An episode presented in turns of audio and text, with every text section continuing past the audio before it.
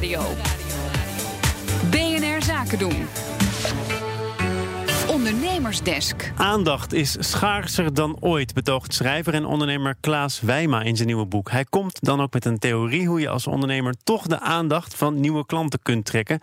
Conor Klerks was daar zeer benieuwd naar. Uh, jouw stelling is eigenlijk onze aandacht, die is kostbaarder dan ooit. Ja, nog nooit in de geschiedenis uh, is aandacht zo uh, kostbaar geweest als nu. Dat herken je misschien ook wel als ondernemer.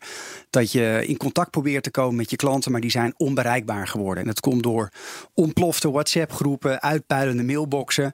Ja, dat heeft ons gemotiveerd om een grootschalig wetenschappelijk onderzoek te starten naar aandacht. En dat heb je samen gedaan met de VU, hè? Heb ik samen gedaan met uh, hoogleraar Peter Verleg van de VU Amsterdam. Dat klopt. En wat is daar uitgekomen? Uit het onderzoek is naar voren gekomen dat er zes aandachtstrekkers zijn die bewezen effectief zijn om aandacht van klanten te krijgen en ook te beïnvloeden. Dan gaan we ze maar uh, alle zes ja, langs. Begin maar bij één. De eerste die uh, zeer effectief is om aandacht uh, te voorspellen, dat is emotie. En dan kan je denken aan emotie, lachen, gieren, brullen. Maar dat kan ook zijn emotie om een gevoelige snaar te raken bij mensen.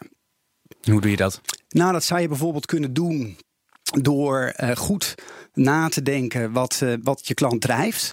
En uh, ja, op een authentieke manier daarop in te spelen. Dus ik denk dat het misschien handig is om even naar een volgende te gaan. Inclusie. Uh, ik, recent voorbeeld in de praktijk. Ik was bezig met mijn boek.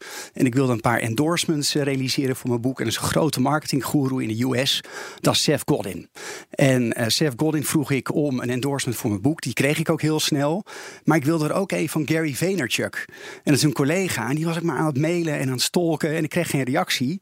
Totdat ik de aandachtstrekker inclusie gebruikte. En in mijn onderwerp heel duidelijk zette. Uh, Seth Godin said yes. En binnen een uur kreeg ik een reactie van hem uh, met een, uh, ja, een positieve endorsement. Dus inclusie is een mooi voorbeeld van dat je klant het gevoel geeft dat ze ook ergens bij horen. Ze willen namelijk, mensen willen allemaal bij een ingroep horen. Hmm. En misschien herken je het wel vroeger in de gymzaal en er moest gepoot worden. En je wilt niet als laatste gekozen worden in een, uh, ja, in een vriendengroep. Ja. Uh, mensen willen altijd ergens bij horen. Dat geldt ook voor klanten. Alright, en nummer drie?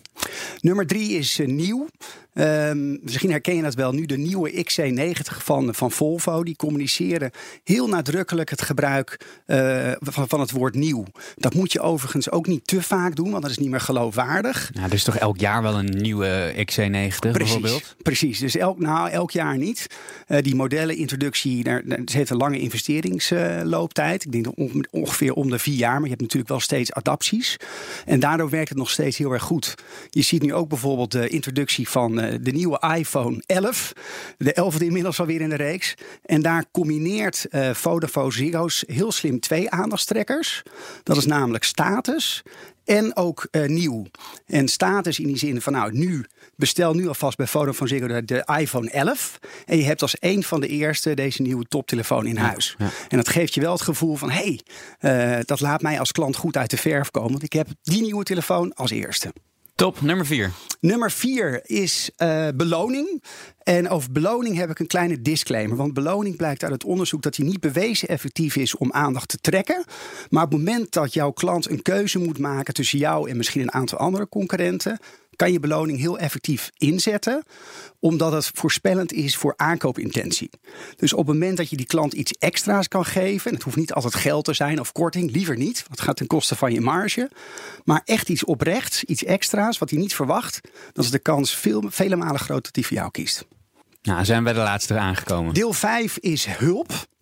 En uh, ja, hulp heeft ermee te maken dat je eigenlijk naast je klant staat en heel goed begrijpt hoe je hem kan helpen zijn leven wat makkelijker te maken.